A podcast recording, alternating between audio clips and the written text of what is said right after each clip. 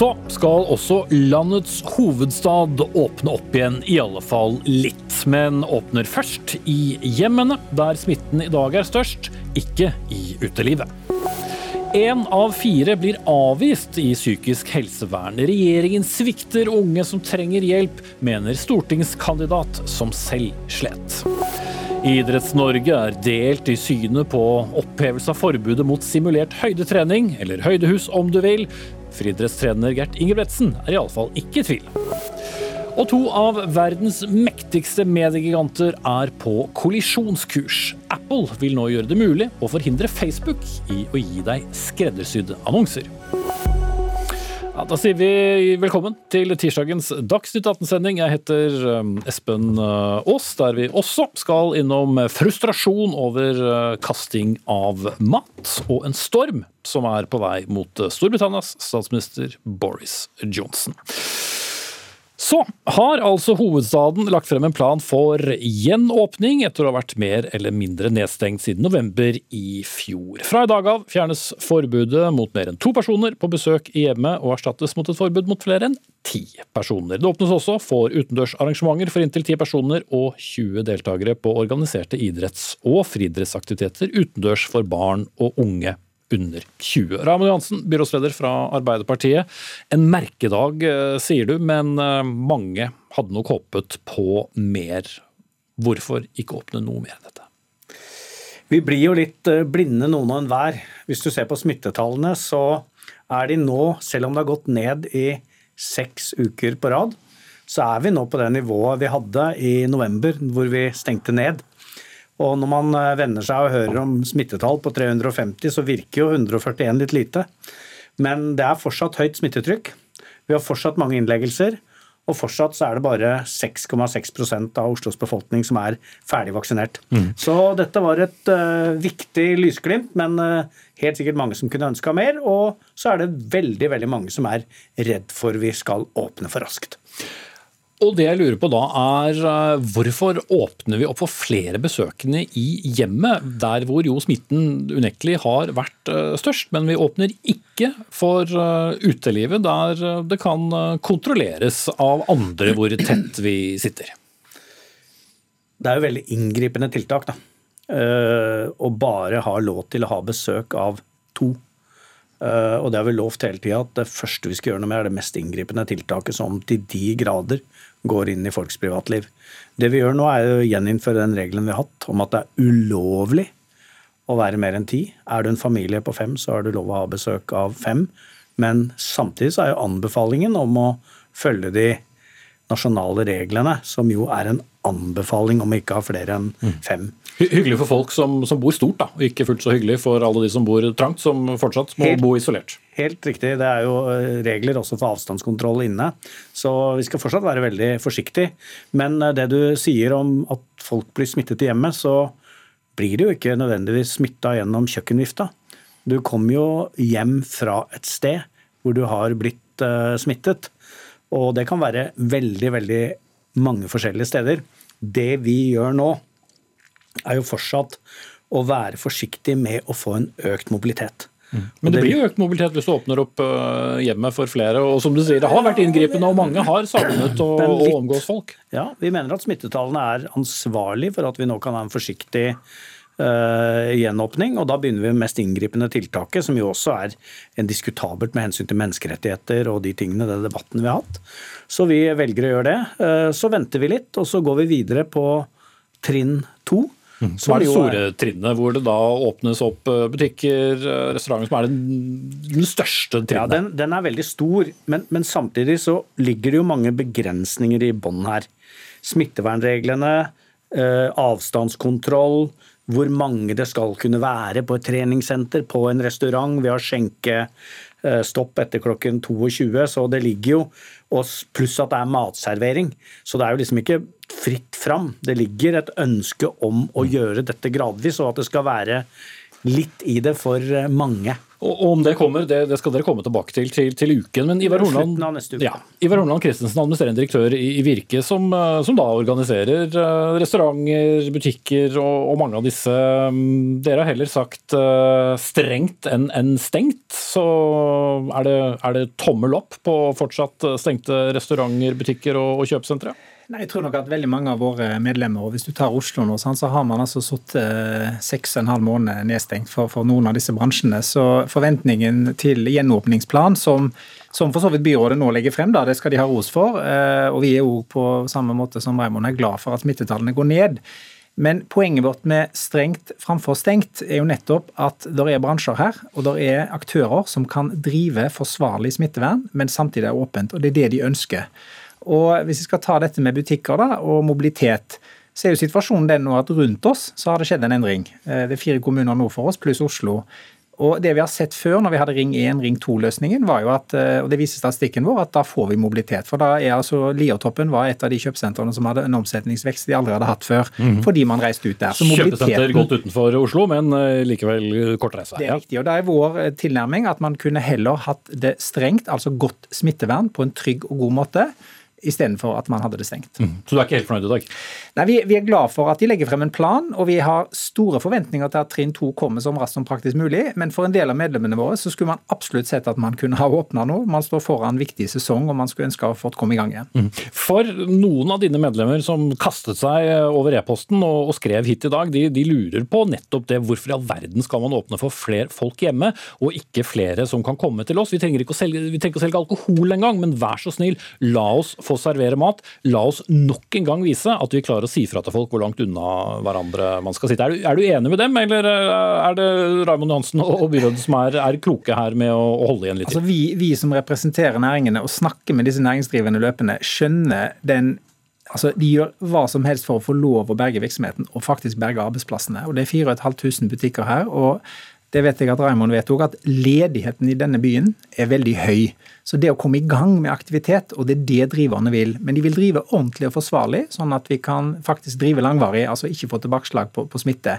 Men at det er stor uro der ute nå, at man ønsker å komme i gang igjen og utålmodig på det, det er det ingen tvil om. Men beskjeden din som leder av Virke til dem er hold, hold, ut, vær litt mer tålmodig. Det er ikke lurt å åpne nå. Forstår jeg det rett da? Nei, vi, vi, vi, mener at det kunne vært åpna på noen ting rundt dette med kjøpesenter som vi mener vil gi en, en, mobilitet. Men vi har jo respekt for at eh, de smittevernfaglige rådene som byrådet antageligvis lener seg på her, eh, er gjeldende. Men vi peker på noe av det de mener med mobilitet. Det mener vi ikke holder vann. Og det viser seg òg at eh, rundt kjøpesenteret så har det ikke vært den smitten som man har sagt. Så vi, vi peker på at det er noen logiske brister her, sånn som vi ser det. Derfor mener vi at òg ting kunne vært åpna. Mm. Ta det først, og så vil jeg ha et et, eh, litt bedre svar på det med hvorfor ikke man kan åpne eh, restauranter. Vi har jo sett at Oslo-folk eh, velger å, å, å, reise til steder hvor det er åpent. Nå er beskjeden i dag det blir ikke noe annet enn matbutikker, apotek og dette evinnelige vinmonopolet som skal holdes oppe i Oslo. Hva gjør du hvis folk nå begynner å, reise? Det er nok av kjøpesentra rundt hovedstaden. Det er jo en del kjøpesentre rundt hovedstaden som heller ikke er åpne. Da. Det skal jo fattes en beslutning torsdag neste uke.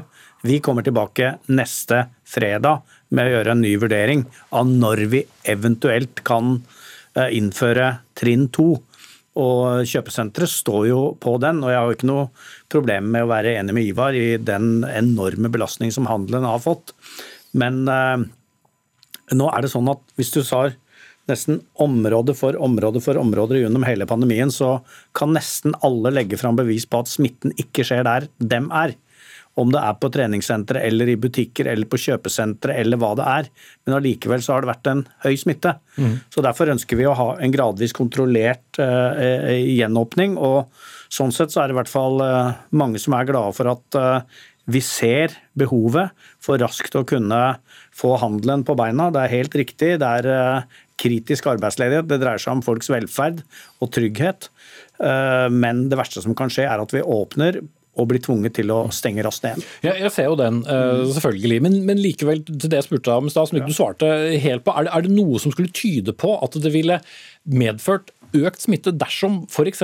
restauranter hadde åpnet, dersom vanlige butikker igjen hadde åpnet med de samme strenge tiltakene som de jo har eh, alle andre steder nå, eller i hvert fall de fleste andre steder. Det har jo ikke vært påvist smitteutbrudd verken på restauranter eller Det er ikke riktig. Vi hadde jo, Rett før vi stengte, så hadde vi jo den utbruddet på Gamla. Vi hadde jo også nå by i Norge som måtte stenge ned igjen. Ja, da, Ålesund i går, det er, det er riktig. Så det, det er jo jeg tror ikke det er liksom Men folk det, samles jo andre steder, var det som jeg skulle ja. komme til, i, i, i parker, og ja. drikker alkohol. Kunne man ikke da samlet det på steder og latt være å, å, å servere alkohol, f.eks.? Det er en uh, naturlighet for oss å kunne vurdere det, men det er jo ingen tvil om at også uh, når man drikker uh, alkohol og er, er, sammen, så er faren for smitte noe større. Det er, er bevist. Men vi håper nå at vi kan komme dit, men det er avhengig av smittetall, det er avhengig av vaksinering og det er avhengig av antall innleggelser. Og nå er det en positiv utvikling. La oss ta tak i det. For det verste som kan skje nå, selv om permitteringsreglene er endret, så er det verste at man kaller folk tilbake fra jobb, kjøper inn en masse varer, fyller på med masse alkohol som skal være til utsalg. Og så kommer vi, smittesituasjonen fullstendig ute av kontroll. Se hva som skjer i Sverige. Mm. Så, og da igjen bli tvunget til å stenge ned. Det er det vi prøver å unngå. Det er derfor jeg er så opptatt av at det skal være en gradvis kontrollert gjenåpning av hovedstaden. Skatter skal betales, avgifter skal betales. Det har kostet å ha varelagre som må kastes. Eh, hvor eh, god tid har dine medlemmer til å vente på trinn to? Nei, der er, der er, Det er jo litt ulikt i hvilken bransje det er. men tenk på Hvis du tar serveringsbransjen, som nå har vært stengt så lenge, så er det klart at med den sesongen vi står foran nå, så er nok de veldig klare for å få komme i gang igjen. Så De kommer til å følge nøye med på at det blir gjort vurderinger, og at trinn to kan komme i gang så raskt som praktisk mulig. Og så er det, det Vi må også huske på det at eh, vi har stått så lenge i det at, at for, for, en del av disse virksomhetene nå, men ikke minst de ansatte de har òg, så er det Jeg snakka med, med, faktisk en på et hotell i går som nesten grein når jeg snakka med vedkommende, for det var første dag han var tilbake igjen på jobb etter så mange måneder. Det er så sterkt òg for folk å komme tilbake igjen på jobb, men det viktige for oss det er jo at det skal være med ordentlig godt smittevern, sånn at vi unngår de tilbakeslagene. For det er vi faktisk enig i. For det de vil, er jo å få drive nå for å komme tilbake igjen og komme opp. Mm. Og så er det altså mange som mener at de er vel så gode på de smittevernene som man er i hjemmene. Men jeg skal ikke ta en ny runde på det. Takk til Raymond Johansen, byrådsleder i Oslo, og Ivar Christensen, som er leder i Virke.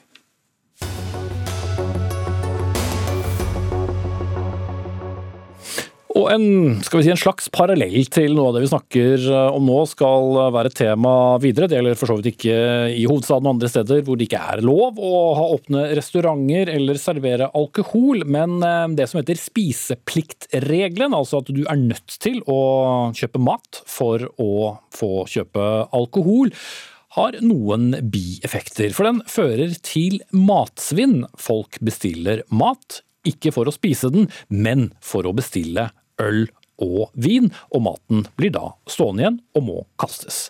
Mette Nygaard Havre, du er skal vi si, selvutnevnt matredder og, og skrevet boken 'Spis opp maten', og har latt deg provosere veldig over denne serveringsloven, kunne vi lese i, i Bergensavisen. Uh, Hvor stort uh, problem mener du dette er? La meg si aller først at Det aller viktigste i samfunnet nå er selvfølgelig at vi får både ned smitten og at vi får bort smitten. Men det som jeg sier det er jo at det må være mulig at vi har to tanker i hodet samtidig. For Det som vi ser nå i Bergen etter at utelivsbransjen har åpnet opp, det er jo rett og slett at matsvinnet det blir enormt stort. Fordi folk setter seg nå ved et bord. Sant? Det er der de må eh, bestille både eh, drikke og mat. Så da bestiller de drikken, og de må også da bestille mat, men det er på en måte drikken de er ute etter. Så det som har skjedd her, det er jo at eh, utelivsbransjen sier at mer enn 70% av den maten som de serverer ved bordene, den blir stående igjen og da blir det enorme mengder med matsvinn. Og da mener jeg at denne serveringsloven med, med spiseplikten har ikke truffet helt sånn som det de har sagt. For det står bl.a. der at man kan ikke bestille en liten rett og deretter fortsette å drikke hele resten av kvelden. Men det som skjer nå, det er at folk gjerne bestiller fem enheter med alkohol, og så bestiller de seg en pølse i brød eller en suppe. For det som er greien er at Mange av disse her pubene de er ikke rigget egentlig for å lage mat. Så det er veldig enkel mat de serverer, og mat som gjerne folk tror ikke vil ha. Og Da er det et paradoks når vi har sett Fattighuset med lange køer, matsentralene som nå har lengre køer enn noen gang før, fordi det er mange som trenger hjelp til å få nok mat på bordene. Mm. Og så på andre siden så ser vi nå dette svinnet. Ja. Espen Rostrup Nakstad, assisterende helsedirektør, Helsedirektoratet. Er det et veldig treffsikkert tiltak å, å si at man, man, må bestille mat? Dette har jo for så vidt ikke bare vært en, en sak i Norge, men også mange europeiske land hvor det ble bestilt masse mat som aldri ble spist. Altså, Forhistorien for dette, denne regelen i covid-19-forskriften kommer faktisk fra Stortinget i slutten av februar. fordi Da var det et flertall i Stortinget som stilte seg bak et forslag om at man skulle pålegge regjeringen da å, å sikre at kommuner med lavt smittetrykk skal kunne tillate alkoholservering i forbindelse med matservering. Så Intensjonen var den gangen, som ble gjenspeilt i forskriften, at man skulle få et glass vin til maten på en restaurant hvis man gikk ut og spiste. Det var intensjonen. Mm. Så får du en pølsebrød til uh, vinen i stedet. Ja, så var, så var det praktiske problemet er at i en uh, lovforskrift, når vi vurderte dette også på nytt ute i februar, så er det veldig vanskelig å definere hva er et serveringssted av den ene og andre sorten. Uh, det blir veldig vanskelig. Eh, og så er det sånn at Da har det jo noen steder blitt sånn at man ikke serverer alkohol til maten, men man serverer mat til alkoholen. Eh, og Det var ikke intensjonen bak løsningen, men vi ser jo selvsagt at det praktiseres sånn, og det er ikke optimalt. Eh, og jeg ser også det at Regjeringens plan for gjenåpning av samfunnet nå, på trinn to, så er det skissert at dette kravet kanskje går ut. sånn at Eh, det er i hvert fall sånn vi ser på problemstillingen da. Mm. Men eh, er problemet reglene, Havre, eller er det folk eh, som går ut som er problemet? Nei, kan, altså, Vi kan selvfølgelig oppfordre folk til å være sultne når de går ut, og de er klar for å spise denne pølsen i brød. Men jeg mener jo at denne intensjonen med regelen vises jo at, at den, den, blir ikke gjennomført sånn som man hadde tenkt. Så jeg er litt bekymret nå for at vi skal vente helt til eh, trinn to på at samfunnet åpner enda mer opp. Det har vel Nakstad sagt sagt at det er trolig mot slutten av mai. Det er ganske mange uker fram i tid. Så hvis vi skal fortsette å ha denne regelen i seks uker til, enda mer åpner opp, kanskje Oslo åpner opp etter hvert òg, så kommer det faktisk til å bli tonnevis med matsvinn. Og Da tenker jeg at da håper jeg virkelig at det er mulig for regjeringen, Helsedirektoratet, at de ser på denne her regelen, og kanskje spiseplikten kan falle vekk. Se på andre tiltak. Eventuelt så må vi innføre da at uh, man ikke får kjøpe flere enn x antall enheter. Men det er helt tydelig at ikke det virker den regelen som er satt i verk nå. Nakstad. Nei, Jeg ser veldig godt dilemmaet. Og det å kaste mat og på en måte bestille mat som man ikke har tenkt å spise, det er selvsagt veldig uheldig. Det er ikke bra. Eh, og Her har jo selvsagt serveringsstedene et ansvar også. Dette, er, dette med matsvinn er et problem også til vanlig til hverdags når vi ikke har pandemi. sånn at eh, Det er jo noe som egentlig de som da serverer maten også bør eh, ta tak i. Eh, og kanskje er det mulig å servere mat eh, til alkohol eh, uten å få det store svinnet også. Men det er klart, jeg er helt enig at dette er ikke en optimal løsning sånn som det praktiseres. Men det er også noe med hensynet til smittevern i byer hvor det er mye smitte nå, sammenholdt med hensynet til matkasting, som også spiller inn. Fordi disse reglene er jo der for en grunn i utgangspunktet. Og det er jo å hindre kontakten mellom mange mennesker på utesteder der det har vært stor smitterisiko. I hvert fall når det har vært mye smitte i samfunnet. Mm. Og det å kun åpne for matservering og, og ikke alkohol har heller ikke vært eh, noen løsning, for da er det ikke nok som går ut? Nei, nettopp. Det er det som er problemet, som bransjen sier. Altså, du kan ikke få det til å gå rundt hvis du driver en restaurant og du bare får servere mat og ikke alkohol. sånn at det, Da ville de restaurantene sannsynligvis ikke kunne åpne. Så inntil videre så blir det altså ett glass vin og tre pølse i brød, eller hva det nå blir til. Takk til Mette Nygaard Havre og Espen Nakstad.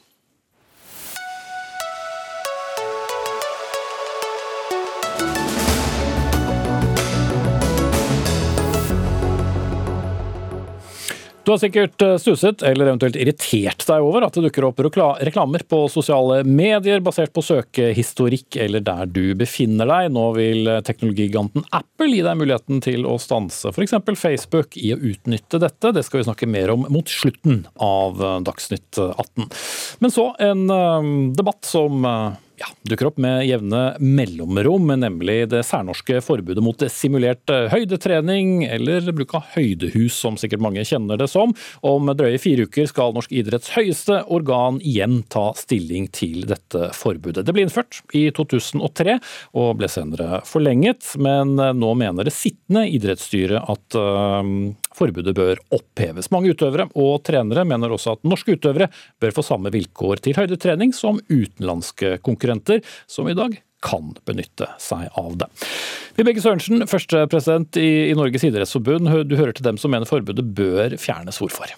Nei, som du sier, Dette er et særnorsk forbud, og det har vært et særnorsk forbud siden 2003. Vi har hatt en god diskusjon i idrettsstyret. Vi har et, hatt en god prosess i idrettsorganisasjonen, hvor vi har hatt seminar og foredrag som har vektlagt for og imot opphev av et særnorsk forbud. Når vi har diskutert dette med god høyde i idrettsstyret, så har vi kommet fram til at vi mener det tiden nå er inne for å oppheve dette særnorske forbudet. Da dere diskuterte det i 2015, hva syns du da? Jeg var på den tiden ikke i eh, idrettsorganisasjonen som valgt, men jeg var tidligere president i Skøyteforbundet, og jeg hadde da mye av de samme standpunktene og meningene som jeg har i dag. Og jeg mener at tiden nå enda mer enn da er inne for å oppheve dette særnorske forbudet, og spesielt har vi da vektlagt at vi ønsker å bidra til at våre toppidrettsutøvere har det samme regelverket å forholde seg til som in sine internasjonale konkurrenter. Mm. Inge Andersen, mest igjen som tidligere generalsekretær i NIF i 13 år og sportssjef for langrenn og også lang, langrenn landslagstrener, heter det med alle disse konstantene i Norge og Sveits på, på, på 90-tallet. Du har vært med på å utrede bruk av høydehus for, for, NIF, eh, som landet da på forbud igjen i 2015, som, eh, som nevnt. Hvorfor bør vi fortsette med det forbudet? For det første så har Norge, den gangen det var lov å bruke høydehus, så har vi aldri vunnet noen medaljer pga. at vi kunne bruke høydehus. For det andre så har vi heller aldri tapt noen medaljer fordi at vi ikke kunne bruke høydehus. Jeg tror det er viktig å trekke debatten til 2003. Jeg kan si òg dette med stor tyngde, for jeg er en av de trenerne som faktisk har brukt høydehus. Den gangen det var lov på 90-tallet og jeg var landslagstrener. Og det var jo en stor avstand mellom toppidretten og eh, folkebevegelsen eh, den gangen som medførte et forbud. Det var jo et, på mange måter et grasrotopprør frem mot idrettstinget i 2003 som, som, gjorde at nok var nok. Det å få etablert høyderom, høydehus hjemme i private hus til barn og ungdom, det satte rett og slett Idretts-Norge en stopper på, for. Og jeg har vært ekstremt glad for det. Jeg tror det har vært et klokt vedtak, med stor respekt av de idrettslederne som eh, gjennomførte det vedtaket i 2003. Og for de aller, aller, aller fleste i norsk idrett har høydehus overhodet ikke vært savnet. Så er jo det en annen ting er jo at høydehus er fortsatt ikke bevist har noen effekt. Og fra min tid som landslagstrener, og hadde jeg vært landslagstrener i dag, så ville jeg ikke brukt høydehus. Fordi at effekt? Fordi at høydetrening i naturen, leve i høyden 24 timer i døgnet, det kan for noen gi en effekt. Så ser jeg at noen mener at det kan ha en effekt. Eh, det eh, jeg særdeles tviler til. en suboptimal eh, forberedelse til, til, konkurranser og drive med, med eh, høydehus og eh, høydetrening. Mm. Eller, eller kunst, kunstig stimuli av, av manipulering av oksygen, som det faktisk er. Så akkurat det jeg skulle til å forklare, i tilfelle der hjemme lurer på, på hvordan det er. og i, i, byer i Europa så kan man jo også gå inn på treningssenter og gå inn og trene da i et såkalt uh, høydehus. Men, men Sørensen, mener du da det har en effekt, i motsetning til Andersen? Altså, Diskusjonen om det har en effekt eller ikke har en effekt, den pågår. Den er eh, Fagfolkene også har den diskusjonen, og den mener jeg de vil ha videre, uavhengig om vi opphever forbudet eller ikke. Dette dreier seg rent om at vi skal ha det samme regelverket for våre utøvere som de internasjonale konkurrentene har. Det dreier seg om fair, fair play. Og det er om det har en effekt eller om det ikke har en effekt, det er også hva utøverne selv opplever. For mange velger jo å reise da fysisk opp i høyden og trene der for å få den effekten de ikke har lov til å få med eh, dagens norske regelverk. Ja, og Det er jo ingen tvil om at til forberedelser i konkurranser i stor høyde, så må man være aklimatisert. Og Norge utviklet jo fantastiske treningsmetoder under daværende ledelse av eh, Bjørge Stensbøl, Olympiatoppen på tidlig 90-tallet, for å utvikle disse metodene. og Den har vært bærekraftig i 30 år, som gjør at Norge er en supermakt. Så vil jeg si én ting til rettferdighetsbegrepet. for det er ingenting som er så urettferdig som toppidretten internasjonalt. Eh, Norge er en oljesmørt toppidrettsnasjon. Eh, vi har verdens beste og største støtteapparater på ski, eh, på skiskyting. Det ser det ting, men Poenget er vel at det er forskjellige regler for norske utøvere og, og andre. Jeg vil bare ta, ja, ja, nei, ja, ja, men det er ikke, ja, men du, du må, de, må, de må ikke bruke ordet fair play og rettferdighet i denne sammenheng. For at Norge har mange særnorske vedtak. Vi har barneidrettsbestemmelsene. Vi var den første idrettsnasjonen som integrerte okay. La det ligge, men nå skal dere forvente begge to. Og så må vi snakke en av gangen, for du blir så irritert der hjemme. Jeg har med en på linje, nemlig Gjert Ingebrigtsen. Du er trener da for Team Ingebrigtsen. Du er med oss fra Sierra Nevada i Spania, der du og dine tre friidrettssønner, som de fleste kjenner til, er på nettopp høydetrening i forbindelse med OL-forberedelsene. Hva er fordelen for norske idrettsutøvere om vi får endret disse reglene? Nei, det, det, har ingenting med denne diskusjonen her å gjøre i det hele tatt. Overhodet ikke. ikke. Om det er fordeler og ulemper med bruk av faktisk høyde eller simulert høyde, det er en avsporing av debatten som overhodet ikke har noe med dette å gjøre i det hele tatt. Det og, det Inge Andersen, og det Inge Andersen påpeker om, om en oljesmurt nasjon, det å leve han i en virkelighet som er rimelig fjernt fra de fleste toppidrettsutøvere i Norge. De lever enten på fattigdomsgrensa eller under fattigdomsgrensa. Så hans virkelighet er en totalt feil beskrivelse Men la oss komme til selve dette med ja, ja, høydetrening. Jo da. For det første så finnes det ikke høydehus. Høydehus er et særnorsk begrep som knyttes til et hus som ble bygd i Trysil for at noen skulle drive og forske og øve på disse tingene. Det er ingen som bruker høydehus lenger. Det som brukes i dag, det er portable, midlertidige løsninger som brukes i kombinasjon med faktisk høyde. Uh, og, det, og det igjen et felles regelverk er hele poenget i debatten. Og etter min mitt begrep så skal man ha en god grunn for å ha et særnorsk regelverk. Man skal ikke ha en god grunn for å oppheve en regel. Man skal ha en faktisk ekstremt god grunn for å ha en særnorsk regel. WADA-koden har tilslutning av alle land unntatt Norge når det gjelder disse reglene. Og Det er veldig spesielt at man drar en diskusjon knytta til verdiprinsipper og moralisme og etikk inn i Da er det sånn, da er det sånn Norge skal da På akkurat denne saken For det er en haug med andre saker som er veldig parallell med simulert høyde, der Norge er langt ute på vingen når det gjelder etiske og verdivalg og moralisme. Okay, men bare for å stille et konkret spørsmål, ja, Ingebrigtsen. Ja. Trekløveret Jakob, Filip og Henrik, har de da ikke noe å tjene på dersom de hadde hatt muligheten til simulert høydetrening? Det som er med simulert høyde, det er, som forskningen viser, en marginal effekt under forutsetning at du bruker det på en systematisk og fornuftig eh, måte. rent sånn både praktisk. Det er ikke en enkel sak. Administrativt sett er det en vanskelig sak.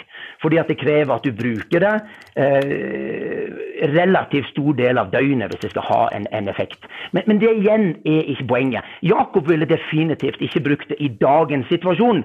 Mens Henrik Jeg vil jo kalle en sånn en særnorsk regel for rett og slett diskriminerende overfor de menneskene som ønsker å kombinere toppidrett med familieliv. Fordi at man kan ved hjelp av simulert høyde unngå å måtte tilbringe fullt så mange uker i faktisk høyde som mine gutter i dag gjør. Så Henrik har to barn og et familieliv hjemme og prøver å leve som noenlunde normalt liv. Så er det blir, da, da, da blir rett og slett simulert høyde en mulighet for han til å kunne akklimatisert seg hjemme før han reiste og deltok sammen med brødrene sine i faktisk høyde. Det er ikke en erstatning for høyde, det er et supplement for høyde. Som ville gjort det mulig for familiefolk å brukt og vært i toppidretten vesentlig lengre okay, enn de da, ellers da har vi det uh, poenget inne. Ja. Vibeke Sørensen. Ja. Ja, altså jeg vil jo bare understreke at Dette er jo et, da, et særnorsk forbud. Det er ikke en metode som står på WADA sin dopingliste. Og det er ikke definert som doping. Og Det at vi opphever et forbud, det betyr ikke samtidig at alle skal bruke det.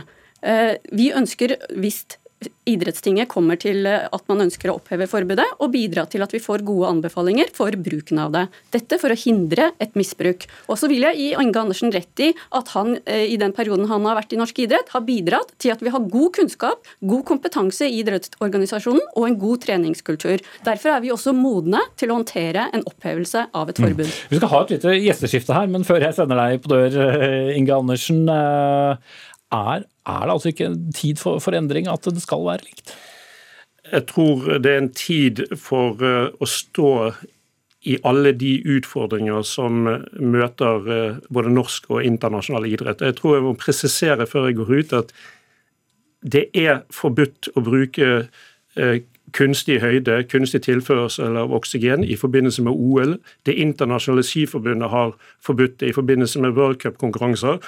Eh, sånn at det Min klare anbefaling er at Norge fortsetter å jobbe med et internasjonalt forbud på dette området.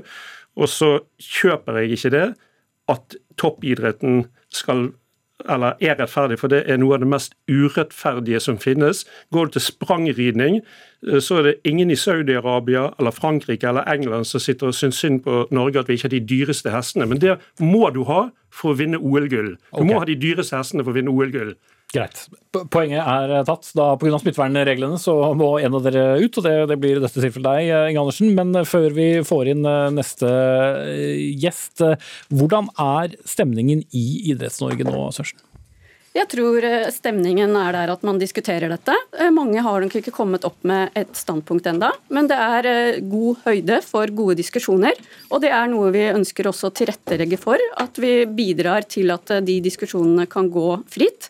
Og så må man respektere at i denne saken er det forskjellige meninger, og så er det til slutt idrettsdemokratiet som bestemmer om vi skal oppheve det særnorske forbudet. Mm.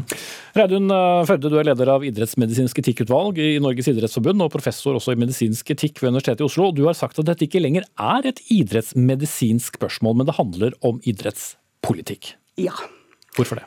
Uh, uh, det mandatet som uh, dette etikkutvalget var gitt, var snevra godt inn fra det forrige etikkrådet som vi hadde. Vi skal stelle med vi skal ha meninger om, om idrettsmedisinske tiltak og gi råd rundt det. Eh, høgdehus er ikke noe medisinsk tiltak. Hva er det da? Ja, det er et tiltak sånn som jeg ser det, eh, for å eh, gjøre trening i beste fall mer effektiv. Og for å øke prestasjonene, og sånn som vi hørte Vibeke nå si, for å lage et felles regelverk og og eh, sånn at, eh, at norske idrettsutøvere kan, kan, få de samme betingelsene som andre. Mm. Men, men, hvem har da nytte av uh, ja, det, det er jo det en ikke vet ordentlig. Dette, jeg har leita godt etter dokumentasjon på om, om, dette har prestasjonsfremmende effekt, men vi må jo tro de som mener at de har det. Men, men for meg er det jo også et lita gåte hvordan vi som ikke bruker høydehus, er så gode i veldig mange idretter. Mm. Og Det var jo litt av poengene til Andersen også, Sørensen. Blir det så store forskjell? Eller er, er, er bare poenget da å, å, harmonisere reglene for norske og utenlandske utøvere? Det er et stort poeng for oss å harmonisere reglene. Og så vil det være en pågående diskusjon om dette er prestasjonsforbedrende eller prestasjonsforberedende. Men det er klart for Ingebrigtsen-brødrene, som skal marginalt forbedre seg for å ta den siste medaljen, og de opplever dette som en måte de kan bli enda bedre på, så vil jeg tro at dette vil eh, være til nytte for dem. Og deres konkurrenter har muligheten til å benytte det. Og Samtidig er det jo måter og treningsmetoder våre toppidretts benytter seg av, som ikke er eh, hensiktsmessig å bruke for øvrige utøvere. Og Det må vi i organisasjonen bidra til, å styrke og utvikle den treningskulturen vi har på alle nivåer, videre. Uavhengig av om vi har et forbud eller ikke. Mm.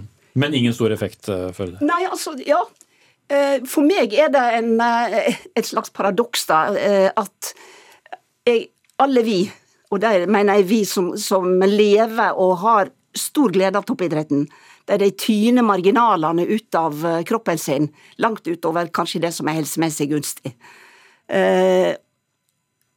Og at ikke de skal få, få, ta i bruk alt som kan forbedre, for det dreier seg om prestasjoner og penger. Og det er jo det som er litt tankevekkende. Men, eh, men eh, samtidig så vet vi at idretten er verdistyrt, og at idretts, toppidrettsfolka er også utøv, eller idol for breddeidretten, som er så viktig for Norge. Mm. Det, blir, det, blir, mange hensyn eh, å ta når det skal diskuteres. Jeg må runde av da. Takk til Reidun Førde, leder for idrettsmedisinsk etikkutvalg i NIF, og Vibeke Sørensen, førstepresident i NIF.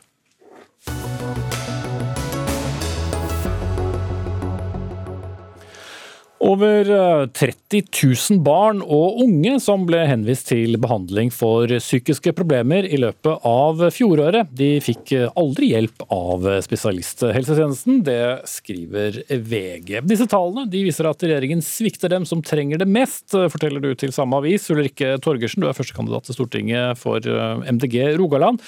Men her har du en liten dobbeltrolle i denne sammenhengen, for du var også en som selv opplevde å bli avvist av spesialhelsetjenesten. Hva var det som skjedde? Ja, jeg er her i dag fordi min personlige erfaring med psykisk helsevern ikke er unik, eh, dessverre. Og jeg valgte å gå ut i VG med min eh, historie for å eh, bidra til at disse dystre statistikkene får et ansikt, og ikke minst for å ansvarliggjøre regjeringen på vegne av de titusenvis nå som sitter med lignende opplevelser som meg sjøl. Og som nåværende politiker så vil jeg være veldig tydelig på at regjeringens prioritering av psykisk helsevern er skremmende mangelfull. Mm. Det, det, det, var politikken, men jeg vil bare at du tar på deg den andre hatt nå, da du, mm. du opplevde det du gjorde. Bare for å fortelle hvordan det, hvordan det opplevdes og hvordan det var. Mm. Eh, det er et um, paradoks for min del, fordi at uh, den sykdommen som jeg hadde, spiseforstyrrelser eh, Forskning sier at det er viktig at man møter folk med spiseforstyrrelser tidlig og med rask hjelp. Jeg opplevde eh, et system der jeg ble avvist pga. Av at jeg ikke var syk nok. Jeg opplevde et system eh, der jeg måtte vente lenge på å få riktig hjelp, og jeg opplevde et system der jeg ikke møtte kompetente eh, spesialistarbeidere før mange år etter at jeg hadde fått min diagnose. Mm. Men hvordan gikk det? Eh, det gikk fint, heldigvis. Og når jeg møtte spesialist, eh, kompetente folk som er spesialist på feltet, så ble jeg eh, mye raskere frisk enn det de årene før jeg fikk møte de. Og det er det som er så problematisk, at det så mange som ikke får møte disse folkene. Og det som er så trist, og vi står nå i en varsla psykisk helsekrise som pandemien kun har satt et forstørrelsesglass på, og som i bunn og grunn handler om prioritering av ressurser. Og jeg er veldig alvorlig bekymra for disse barn og unge og voksne som ber om hjelp, men som ikke får det i dag. Mm. Og som vi diskuterer titt og ofte, senest i går her, eh, Anne Grete Eilandsen, én av fire blir altså ikke henvist videre. Du er statssekretær Helse- og omsorgsdepartementet eh, for, eh, fra Høyre. Er det noe å være stolt av? Ja, altså, det er helt klart, og Ulrikkes historie er jo Selv om den ligger tilbake i tid, så opplever folk det samme nå. Eh, at noen opplever at de blir henvist til spesialisthelsetjenesten, og så får de nei til det. Mm, og Sånn skal det ikke være? Eh, nei, det skal det ikke være. Men alle skal heller ikke ha hjelp av spesialisthelsetjenesten. Eh, og det vet jeg er viktig også for MDB, sånn at vi får på plass, og det har vi gjort veldig mye for, få på plass en mye bedre helsetjeneste på dette området i kommunene. Mm, men det handler altså om vurderingen som Torgersen forteller om, om altså hennes oppfatning av tilstanden mm. og apparatets eh, oppfatning av tilstanden som da ikke treffer. Og den opplevelsen får du uansett ikke bort. Nei, det får du ikke bort. Og jeg har eh, en gang tidligere sagt om dette at du har like stort ansvar når du behandler søknader om eh, f.eks. behandling i spesialisthelsetjenesten fordi du tar inn. Du har like stort ansvar fordi du ikke tar inn. Og det er faktisk noe av det viktigste vi har jobbet med nå, og Helsedirektoratet har jobbet med nettopp det. Hva gjør vi da? For hvis du er da f.eks. vært hos en fastlege, og så blir du henvist til, eh, henviser han deg til spesialisthelsetjenesten, og så får du han nei. Og da kan han sitte igjen og være håper si, like klok, og pasienten være vel så fortvilet. Og da er det viktig at man klarer å sørge for at det er en dialog her. Mm. Hva gjør man da isteden? Ja, hvis, man, hva, hvis man da f.eks. får beskjed om Det høres jo helt sprøtt ut egentlig når du sier det, at liksom, du var ikke syk nok. Eh, nei, men hvis den ikke er syk nok, da med hva kan man gjøre? Hva kan fastlegen gjøre? Hva kan apparatet rundt gjøre? Og der er det faktisk eh, sånn at nå i løpet av de årene vi har eh, holdt på, så har vi altså fått 3600 flere som jobber i kommunene i forhold til psykiatri rus. Vi har fått en kjempestor vekst innenfor skolehelsetjenesten, som også er viktig for barn og unge. Og vi har fått på plass lovpålagt at det skal være psykolog i alle kommuner. Mm, men er jo det samme på... som at eh, noe har endret seg?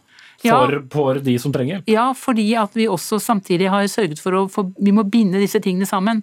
Og det er jo det som er utfordringen. For når noen blir henvist og, og bare blir av, eh, avslått, så blir man jo på en måte, som alle andre avslag, eh, ganske fortvila. Og da må man jo enten sørge for at hvis det er riktig å avslå, så må man sørge for at det kommer noe isteden.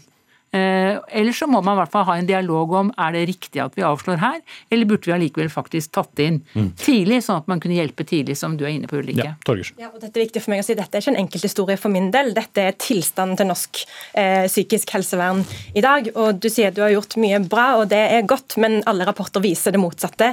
At det er krise i dagens psykisk helsevern. Barn og unge får ikke hjelp, de blir ikke møtt tidlig nok, selv om det er en av de viktigste tingene man kan gjøre for å forebygge psykiske lidelser det å møte barn og unge og voksne tidlig.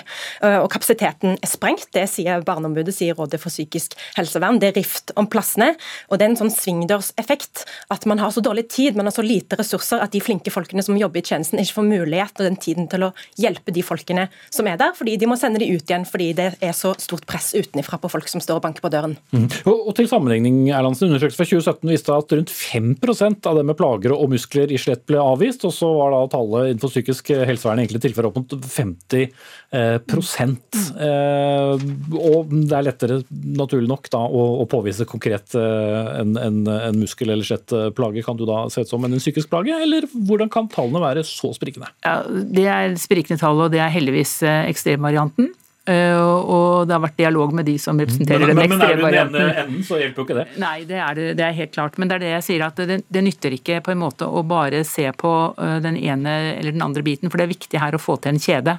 Helt fra at uh, vi også sørger for at folk kan noe om psykisk helse, som de jo nå lærer på skolen at vi har en bedre skolehelsetjeneste, at vi har flere folk som jobber i kommunene, at fastleger faktisk kan hjelpe veldig mange. Mm. Jo, jeg skjønner alle tingene, men hva, hva tingene... målet? Altså, hvordan kan man måle at alle de endringene som du har eh, vist til nå, faktisk eh, virker? Hvordan måler man det? Akkurat nå så er det sånn at vi ser at ventetiden eh, mens vi har holdt på, har gått ned fram til pandemien kom.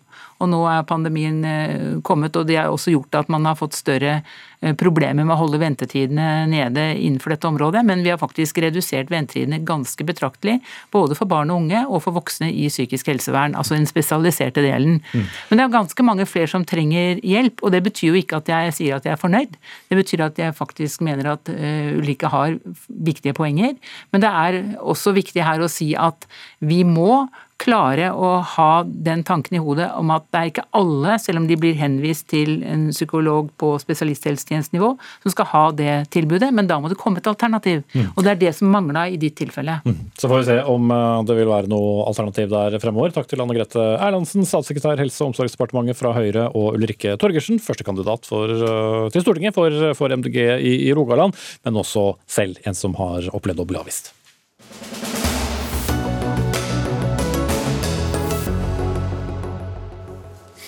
La oss eh, nå gå til eh, Storbritannia, der stormen mot eh, statsminister Boris Johnson fra det konservative partiet øker, og som får betydning for mer enn hans frimodige frisyre. I flere uker har han hatt god medvind på målingene, etter hvert som smittetallene i Storbritannia har gått kraftig ned og samfunnet har åpnet opp igjen. Men på søndag så kom det en lekkasje i Daily Mail om om eh, hva den samme Boris Johnson sa i oktober i fjor. Sitatet var No more fucking lockdowns, let the bodies pile high in their thousands. Eller på norsk, da, ikke flere unnskyld jævla nedstengninger. La heller likene tårne seg opp i tusentall. Og Øyvind Nyborg, vår korrespondent eh, på de britiske øyer, eh, hvilken sammenheng kom dette, denne uttalelsen? Ja, dette skjedde på uh, møtet i, Downing Street, der man uh, diskuterte lockdown i oktober i fjor.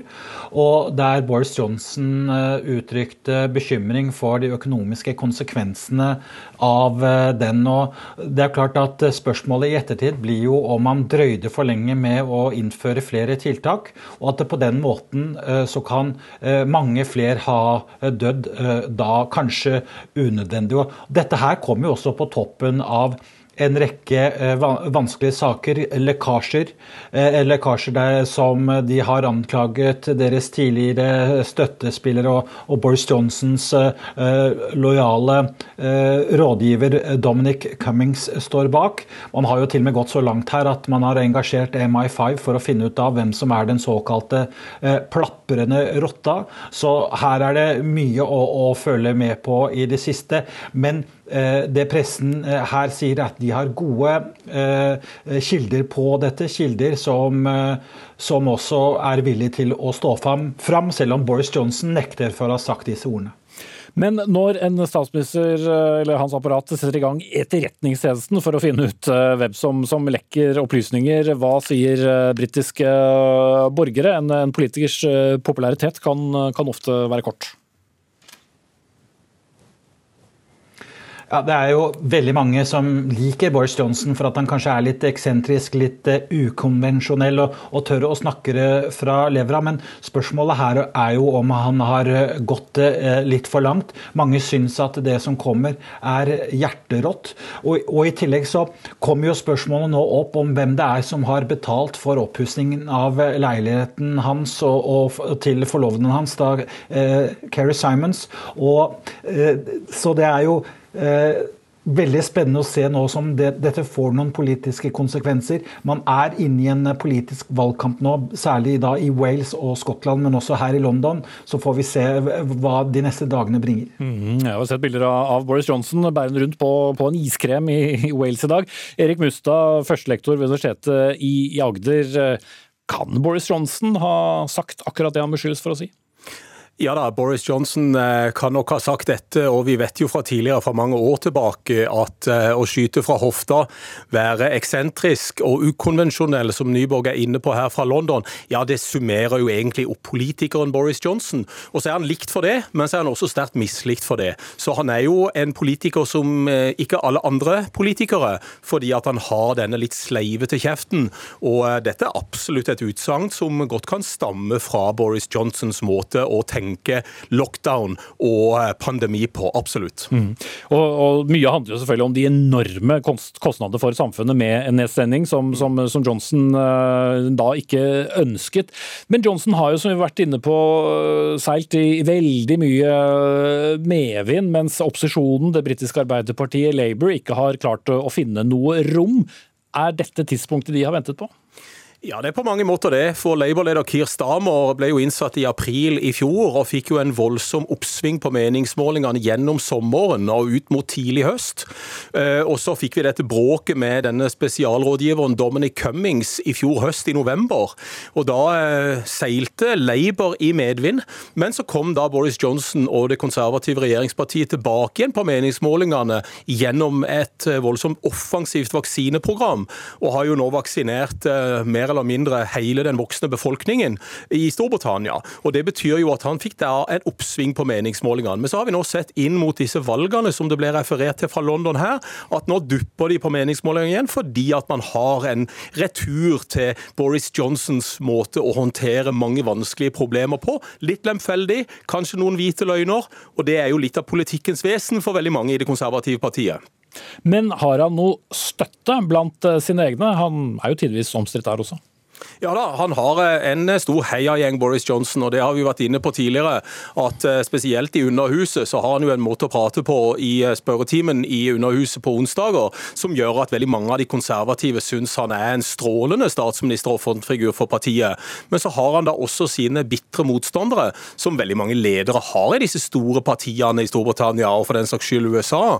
Men han har ganske mange som støtter han, nettopp fordi at de mener at han gikk igjennom en, en stor endring endring i, eh, i partiet og gjennom brexit-forhandlingene og klarte å få i land en brexit-avtale, og, eh, og, vant et påfølgende parlamentsvalg i 2019, eh, etter han ble leder på sommeren av Det konservative partiet, det største på 30 år, som han ble hjulpet av Dominic Cummings til å vinne på, på, den måten han gjorde. Så han har absolutt en stor tilhengerskare også, men han er omstridt, det er det ikke noen tvil om. Og dødstallene, Øyvind Nyborg, eh, har vært høye, det kan han ikke komme ifra. Pårørende, hvordan eh, reagerer de på dette?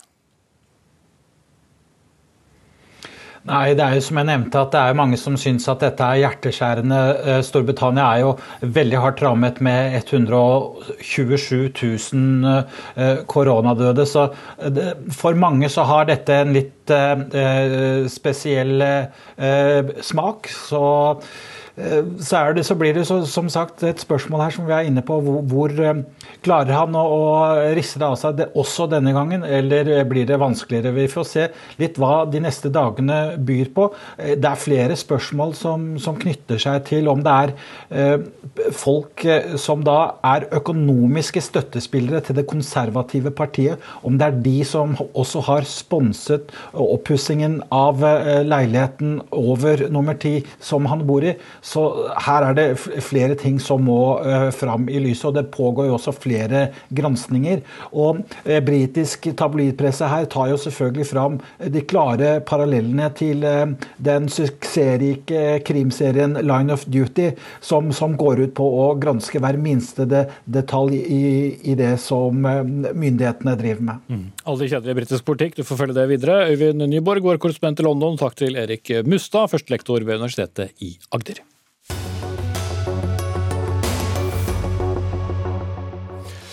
Så skal vi til en strid mellom to uh, giganter, som uh, for så vidt har, har, pågått en stund, men nå blir det straks alvor. Jeg snakker om uh, gigantene Apple og Facebook. For Apple vil gjøre det mulig for de som bruker telefonen og nettbrettene deres, å nekte f.eks. Facebook og andre tilgang til brukerdataene deres. Hva du søker, på, på, nett, hvor du befinner deg osv. Og dermed kan f.eks. Facebook og andre ikke lenger skreddersy annonser til deg på de forskjellige sosiale mediene. Og Martin Gundersen, journalist her i NRK Beta. Hvor betent er dette? Ja, Det er ganske betent. Det starta egentlig flere år tilbake i tid, med kanskje sånn 2015, hvor Apple begynte å snakke om at personvern er en menneskerettighet. Og så har det litt og litt blitt kraftigere og kraftigere ordskifte, både offentlig og ikke.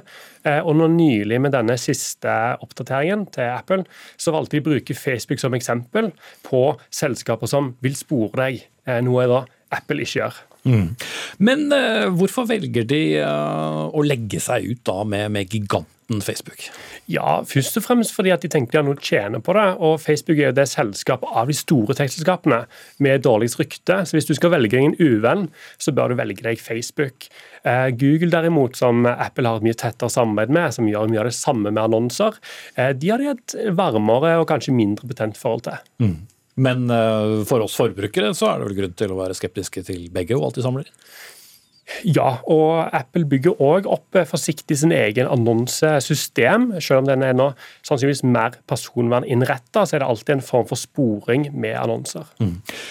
Og det mangler jo ikke på overraskelser vi føler vi kan få over eh, hvordan annonser popper opp bare fordi vi føler vi har snakket snakket om noe, men eh, Ida Ollen, du er medieviter og spesialisert deg på, på sosiale medier. Hva, hva, konkret er det Facebook og andre egentlig vet om oss? Hvor mye klarer de å samle inn?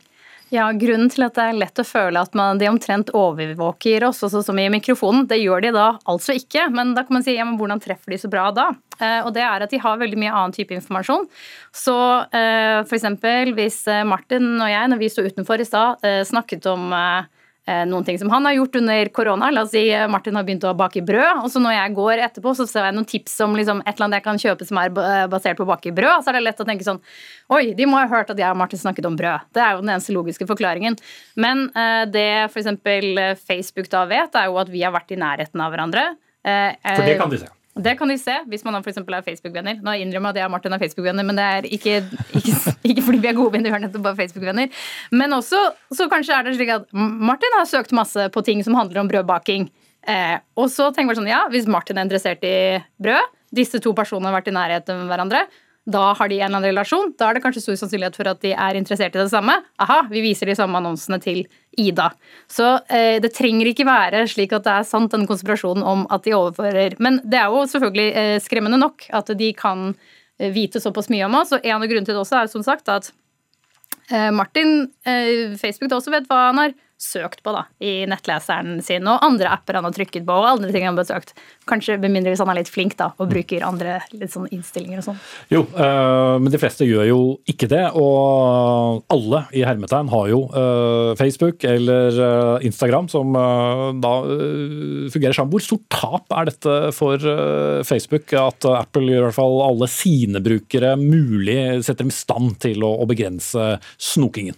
For å sette et eh, tall på hvor stort problem det er for dem, så kan vi se på at eh, hva Facebook tjener penger på. Og 98% av inntektene til Facebook kommer fra annonser. Eh, det er egentlig den eneste inntektskilden de har, er annonser. Hvis den svekkes, så svekkes generelt inntektene til Facebook.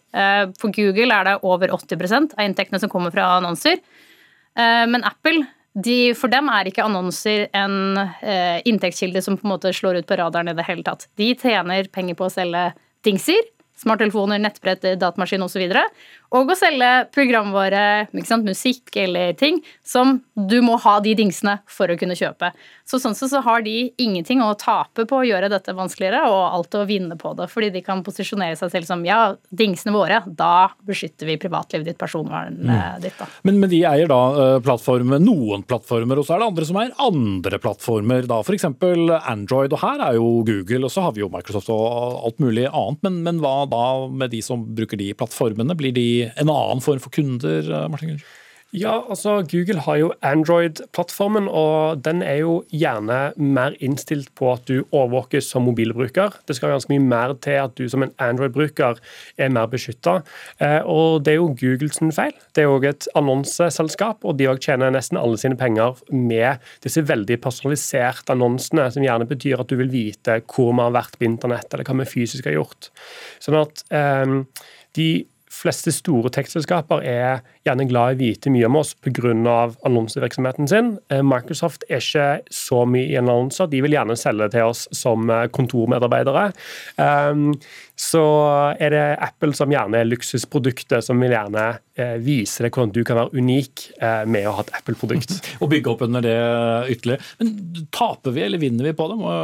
Vi vil jo ikke ha annonser som er irrelevante heller. Jeg tenker at vi vinner veldig mye på at det blir konkurranse om å beskytte privatlivet og være best på å beskytte personvernet. Det har ikke vært noen som har konkurrert med det som utgangspunkt innenfor teknologisektoren på veldig veldig lenge. Og det blir noen ting man også må kunne si at det er vi gode på. Ikke bare at ja, her er det spennende innhold, eller vi er brukervennlige, eller dingsen ser bra ut. Og så, sånn, og så gir vi ikke bare bort dataene dine uten å spørre deg om lov. Det tenker jeg er veldig sunt, fordi det har manglet fra eh, konkurransen sånn som det er i dag. Mm. det er det liten tvil om, Martin Gundersen. Vi, vi satte opp døra på vid gap da vi begynte å bruke sosiale medier. Kom og snok! Ja, og så hadde vi også en personvernlov i Norge som bare gjaldt Norge. og Det gjorde at alle amerikanske selskaper på en måte var unntatt. Eh, norsk datatilsyn kunne ikke gå etter disse selskapene. Så det er egentlig først nå etter 2018 at norske myndigheter kan gå etter amerikanske selskaper. Det er ikke bare enkelt når det meste er via Irland, eh, som har blitt beskyldt for å ta disse sakene veldig seint. Men allikevel så er døren på gløtt at du kan ta de store selskapene fra Europa, og du får denne konkurransen som Ida snakker om, som gjør at nå er det nettlesere og store selskaper som Apple som sier at vi er bedre enn noen andre. Kanskje de skal stramme seg opp. Mm. Så får vi se da hva vi skal irritere oss eh, over videre, om det er feil annonser eller riktige annonser, eller alle disse bildene av kjæledyr, babyer og matretter. Takk til Ida Aalen, medieviter, og Martin Gundersen, som er journalist her i NRK, i det som heter NRK Beta. Så fortsetter krigen mellom tech-gigantene. Dagsnytt 18 er iallfall slutt. Det blir eh, spennende å se på annonsefeeden etterpå. Ansvarlig for sendingen Ane Katrine Førli. Hilde Tosterud tok seg av det tekniske. Jeg heter eh, Espen Aas. I morgen er Sigrid Solund tilbake med ny fersk sending. Takk for nå.